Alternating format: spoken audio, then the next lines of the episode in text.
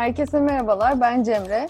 Latin Pod'un yeni bölümündesiniz. Bugün İstanbul Üniversitesi Hukuk Fakültesi 4. sınıf öğrencisi Burcu Kaplan'la geçtiğimiz hafta Arjantin'de yasalaşan kürtaj hakkı üzerine konuşacağız. Hoş geldin Burcu, teşekkür ederim geldiğin için. Ben teşekkür ederim davetiniz için. Kısaca bir bilgi vereyim geçtiğimiz hafta yaşananlar üzerine. Aslında yasa Temsilciler Meclisi'nden 11 Aralık'ta geçmişti. 29 Aralık'ta da Senato'da onaylandı. 38 evet, 29 hayır oyuyla yasa kabul edildi. Şimdi bu zamana dek uygulanan yasaya göre kadınların kürtaj hakkı yalnızca tecavüz durumlarında ve eğer annenin sağlığı tehdit altındaysa mümkündü. Bu hafta kabul edilen yasaya göre ise ilk 14 hafta boyunca kadınlar herhangi bir sebeple kürtaj haklarını kullanabilecekler. 14 haftanın ardındansa tecavüz ve annenin sağlığının tehdit altında olduğu durumlarda kürtaj yasal olmaya devam edecek. Burada Burcu'ya dönmek istiyorum. Aslında biraz Türkiye ile karşılaştırmalı konuşmak istiyorum bu konuyu. Burcu Türkiye'de kürtaj hakları konusunda bize neler söyleyebilirsin? Şöyle nüfus planlama kanununda düzenleniyor aslında ve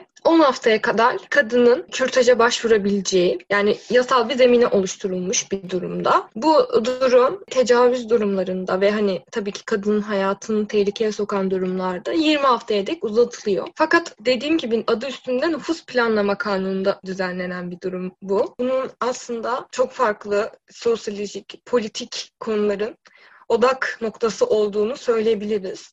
Yani bir çocuğun dünyaya getirilip getirilmeme meselesi kadının tek başına söz hakkı sahibi olduğu bir konu olarak görünmüyor. Ee, kadın bedeni egemen iktidar ilişkilerinin üzerinde durduğu bir olgu olarak karşımıza çıkıyor. Çünkü kadının bedeni nesil üretme potansiyeli demek aynı zamanda. Ondan dolayı kadının cinsel yaşamı bu yöndeki tercihleri hep bir çekişme odağı haline gelmiş bir durumda. Yıllardan beri yani hani bunu nereden ne kadar geriye götürebiliriz tahmin edemiyorum bilmiyorum bile.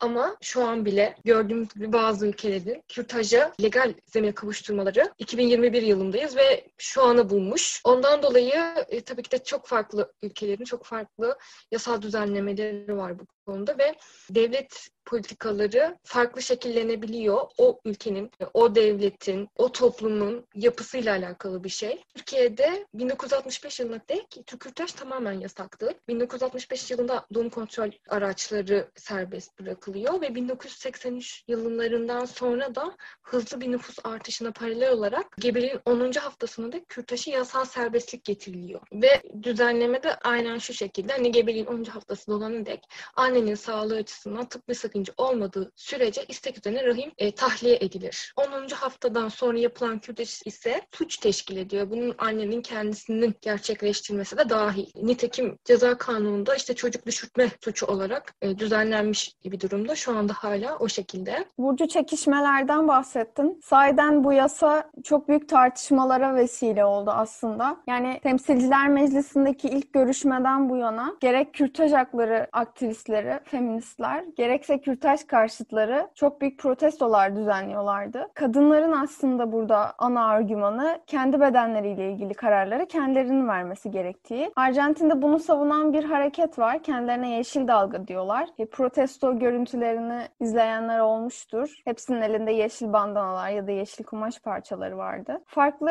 feminist hareketler de var aslında Arjantin'de yine kürtaj haklarıyla bağlantılı olarak. Örneğin Ni Una Menos isimli hareket aslında kadına şiddete karşı olarak ortaya çıkmış fakat onların da kürtaj hakları ile ilgili talepleri var. Bunun dışında elbette kürtaj hakkına karşı olanlar da var. Birkaç röportaj izleme şansım oldu Arjantin'deki protestolardan. Kürtaj karşıtlarından bir tanesinin örneğin. Argümanlardan biri şu, kadının gebeliğinden itibaren, kadının gebe kalmasından itibaren çocuğun hakları doğar. Dolayısıyla kürtaj hakkını tanımak aslında direkt çocuğun haklarıyla çatışır. Burada tekrar Burcu'ya dönmek istiyorum. Burcu, burada iki çatışan hak olduğundan bahsediyoruz. Bunun hukuki temelleriyle ilgili bize bilgi verebilir misin? Tabii. Kadın hakların çerçevesinde baktığımız zaman kadının bedeni üzerinde tasarruf hakkını aslında çok temel bir hak olduğu karşımıza çıkar. Bunu çocuk hakları çerçevesinde baktığımız zaman her zaman çocuğun yüksek yararı ilkesi çerçevesinde somut olay bazında değerlendirme yapılması gerekiyor. Kürtajın çocuğun yüksek yararı ilkesi ile çatışan bir eylem olup olmadığı cevabını ne yazık ki tam olarak veremiyoruz.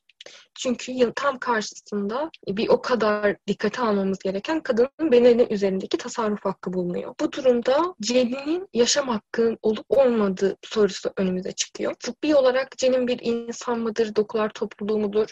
Pek çok tartışma mevcut. Fakat tıp alanındaki gelişmeler de bu duruma bir kesinlik kazandırmıyor ne yazık ki. Bu konuda iki tane temel görüşün olduğunu söyleyebiliriz.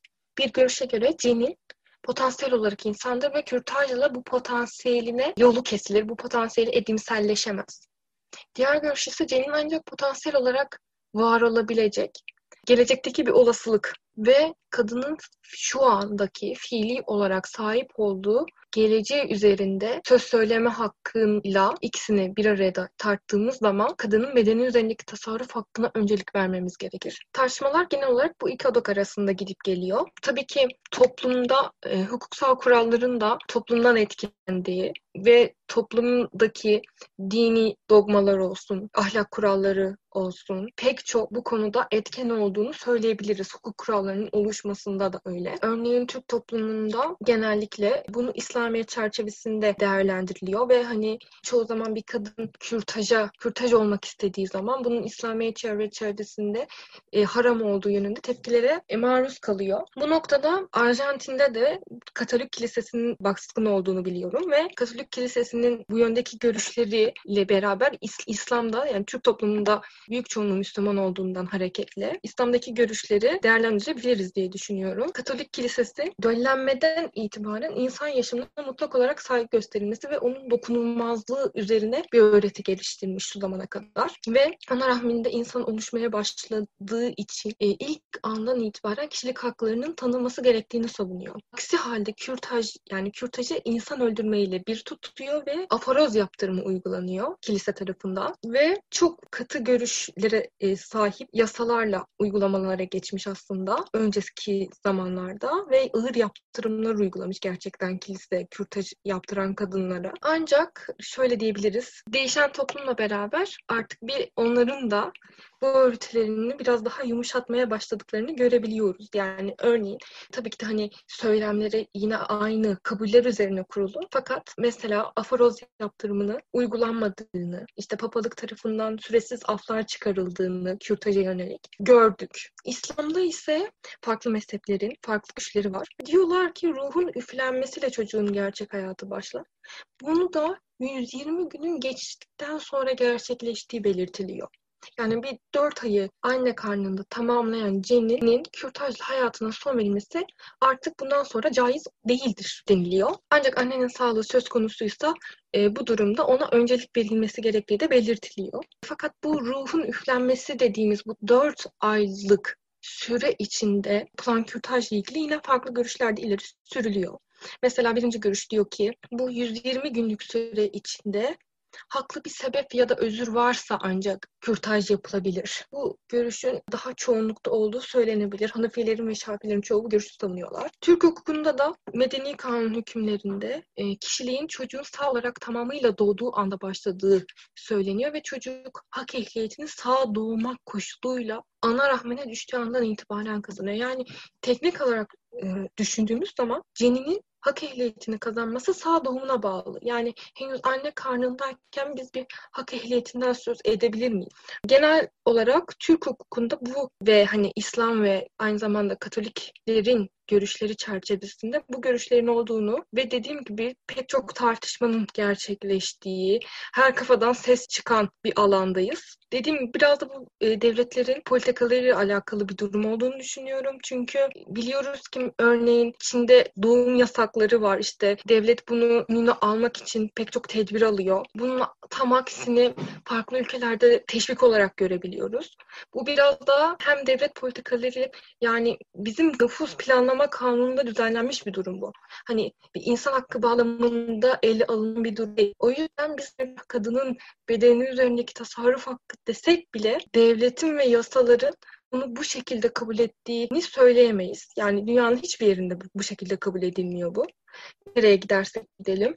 Dini görüşlerin esas alınması da tabii ki de bu toplumsal tepkilere bağlı gelişen bir örneğin Arjantin gibi bir yerde yani %95'inin Katolik olduğu bir ülkeden bahsediyoruz. Hani bizim ülkemizde de aynı şekilde e, %90 üzerindeki kesim İslam'ı benimsediği söylenebilir. Toplum ne yönde şekilleniyorsa hukuk da o yönde şekilleniyor. Ondan dolayı Arjantin'deki bu kürtaj yasasının aslında çok büyük bir gelişme olduğunu söyleyebiliriz bence. Çünkü dediğim gibi yani Katolik Kilisesi'nin bu durumdaki tavrı gayet belli ve hani şu zamana kadar da pek taviz vermediler bu konuda. Ondan dolayı aslında güzel bir gelişme olarak değerlendirebilirim gibi geliyor. E, haklısın söylediklerinde. Mesela Papa bu oylama yapılmadan önce tam söylediğin bağlamda tweetler attı. İşte bunun çocuk katli olduğuna dair, bunun bunun cinayet olduğuna dair görüşlerini belirtti. Ama yine de gördük ki bu taslak yasalaşabildi. Senin de belirttiğin üzere toplum değiştikçe hukuk da ona ayak uyduruyor. Din, hukuk, toplum bunların hiçbiri birbirinden bağımsız şeyler değil. Örneğin devlet başkanı Fernandez de, Arjantin devlet başkanı da dedi ki ben de bir katoliyim ama benim yasaları herkes için yapmam gerekir. Burada da bence aslında bir sekülerleşme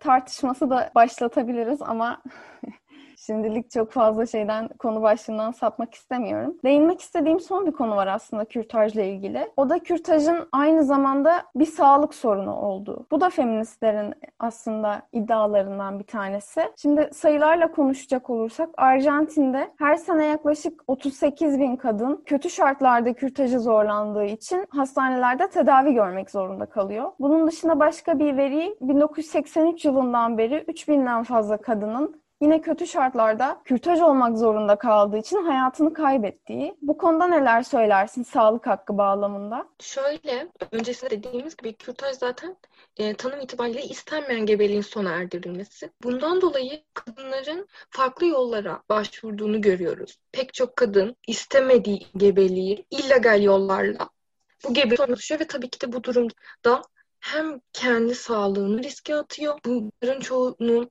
ölümle ya da engellilik haliyle sonuçlandığını görüyoruz. Ondan dolayı aslında bu temel hak olan maddi manevi varlığın geliştirilmesi, yaşam hakkı ki bunlar olağanüstü dönemlerde, olağanüstü hallerde bile dokunulmayacak çekirdek haklar arasında yer alan haklardan bahsediyoruz. Bundan dolayı güvenli kürtaja erişimin sağlanması aslında devletin hem bu alanın denetimini kolaylaştıran hem de kişilere anayasal haklarının, e, uluslararası sözleşmelerce tanınan haklarının işte yaşam hakkı olsun, maddi manevi varlığı koruma, geliş, geliştirme olsun, mahremiyet olsun bu hakların sağlanması anlamına geliyor. Bundan dolayı aslında hani kürtajın herhangi bir yasal temele kavuşamaması bunu güvenli bir şekilde yapamaması demek oluyor bu kadınların. Bunun yerine onlar farklı yollara başvurarak zaten bir şekilde gerçekleştirebiliyorlar.